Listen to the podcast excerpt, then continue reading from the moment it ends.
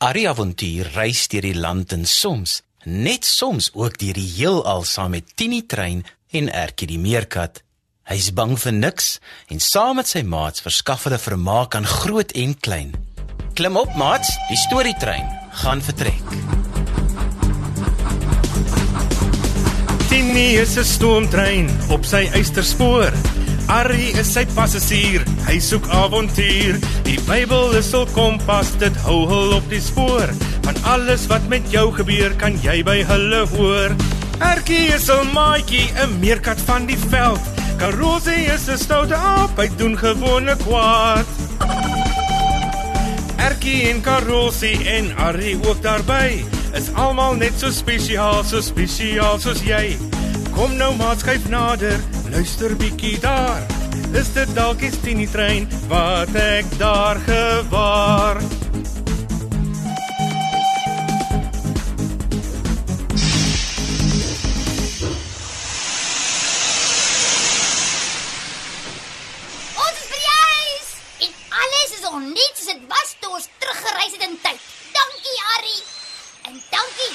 Ons Jesus se laaste ete saam met die disippels gewys het. Ja, en Tini Trein, jy is awesome. Ja, Ek sal nooit verstaan hoe jy die dinge kan doen wat jy doen nie, maar dit is regtig awesome. ja. En die awesomeste van alles is dat ek nou in daardie boom gaan lê en slaap. Ooh, dis awesome rowend. Karosie, dis dan die middel van die dag. ek weet maar ek is moeg. Ons het duisende jare teruggery in tyd. Ek het nog hoop en energie. Harry, vertel vir ons nog 'n storie. Graaf Argeopolis van Sandberg avontuur. Vries. Moenie beweeg nie. Geen skielike bewegings nie. Wat? Wat gaan nou aan? O, koekemak kranka, wat nou? Dit was nie ek nie. Dit was nie ek nie. En die diere? Graaf avontuur, probeer u van die park se diere ook steel? Asof dit nie genoeg is dat ek u nou van onwettige prospektering moet aankla nie. Daar moet 'n misverstand wees met mevrou uh Bas. Senior superintendent Bas. Bas. Dit is 'n boombas. Hier kom groot marakas. Kan nie nog grappies te maak nie. Die diere klink vir my in distress. Wat doen julle met hulle? En wie is u? Ek het u nie geadresseer nie. Ek het met Graaf Avontuur gepraat. Uh, ek het geen disrespek bedoel nie. Ek werk saam met Graf Avontuur. Een van my take is om te sorg dat ons papierwerk in orde is vir die plekke waar die graaf opgrawings doen. Ons het al die nodige permitte en toestemmings. Ons doen beslis geen prospektering nie en ons steel beslis nie diere nie. Ek ek verseker u dit ons om geen kwaadwillige rede hier is nie superintendent Bas. Eh, Met die nodige toestemming doen ons slegs argeologiese opgrawings wat die mensdom help om die verlede te ontrafel. Eh, Hierdie diertjies word nie aangehou nie. Hulle is maar net nuuskierig oor wat ons doen. Wel, verduidelik dan hoekom daar treinspore is rondom die area waar ons bewyse gevind het van onwettige prospektering. Dit is al klaar vreemd dat 'n trein sonder treinspore kan rondry en treinspore agterlaat wat boonop verdwyn het 'n ruk nadat ons die area ontdek het. Maar hulle het my gesê u is een of ander wetenskaplike of iets. Dis nie nou ter sake nie. Ons het bewyse. Maar u sê dan die spore het verdwyn. Ja, As die spore verdwyn het, het u bewyse mos verdwyn of hoe? Ek sien. U probeer my vir die gek hou. Ons het steeds bewyse van prospektering. Uh, ons weet van die prospektering. Aha, 'n skuldbekentenis. Uh, nee, u, u verstaan my verkeerd. Uh, ons weet van die prospektering want ons het die area alreeds vroeër ontdek. Uh, ons het dit gemerk met die spore om hulle te help om te sien wat aan die gang is. En hier is alles papierwerk, superintendent. Ek glo u sal alles in orde vind. Aha.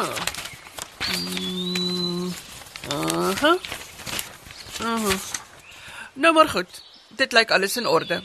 Volgende keer moet u asseblief eerder u ontdekkings kom aanmeld sodra u dit ontdek. Uh, ons wou nie spooke opjag vir ons seker was van die saak nie. Uh, ek vra regtig om verskoning. Ons sal ons oë oop hou en enige ander leidrade wat ons moontlik mag sien aan die deur gee. Ons help graag. Uh wel nou maar goed dan. Goeiedag. Maar ek hou julle dop. Uh, baie dankie en 'n goeie dag aan u ook. Vir wat is jy so vriendelik? Jy word valslik beskuldig. Ooh, benoudheid op benoudheid. Ek dink ons is jou kwyt. Is dit oor daardie gat waar ons ons hande so swart gemors het? Hæ? Huh?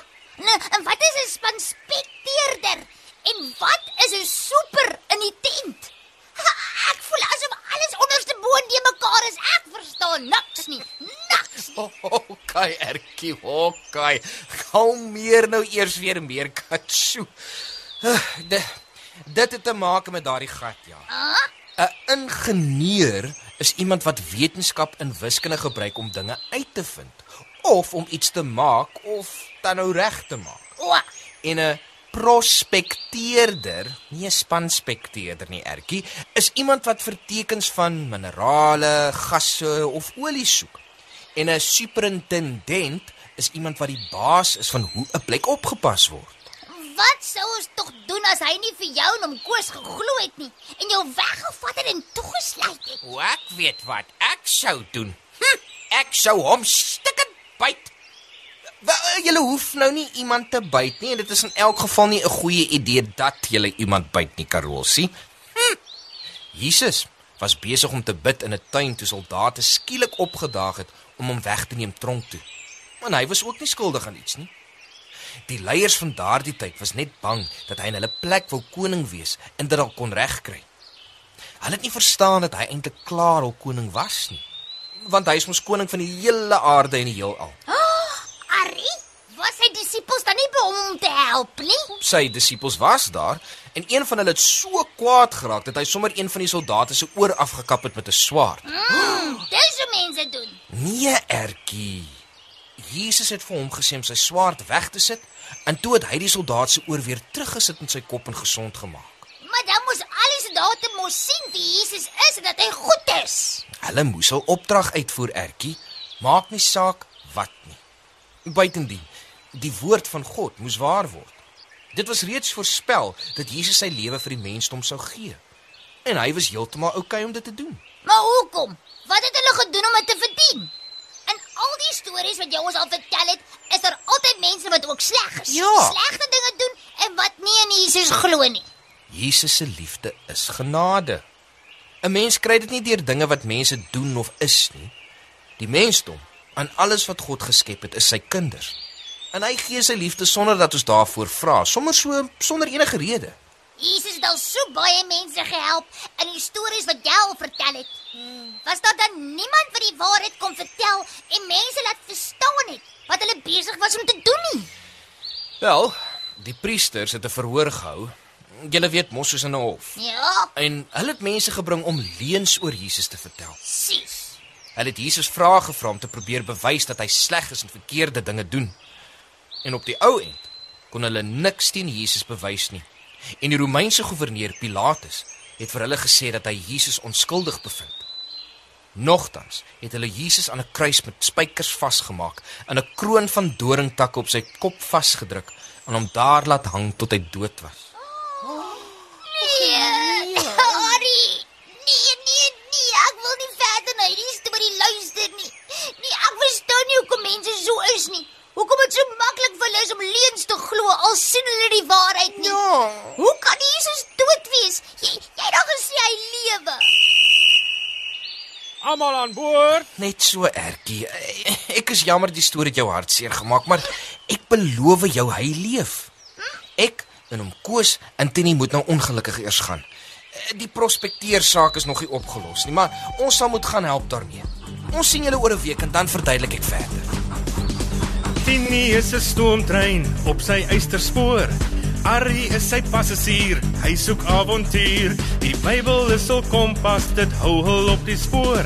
Van alles wat met jou gebeur, kan jy by hulle hoor. Erkie is 'n maatjie, 'n meerkat van die veld. Karosie is 'n stoute aap, hy doen gewone kwaad. Erkie en Karosie en Arrie ook daarby is almal net so spesiaal, so spesiaal soos jy. Kom nou maat skuif nader, luister bietjie daar. Is dit dalk die Tini trein wat ek daar gewaar? Die avonture van en Erkie is geskryf deur Elsie Stander. Dit word opgevoer onder spelleiding van Lazelle de Bruin, tegnies versorg deur Neil Roo en vervaar deur Wordwise Media.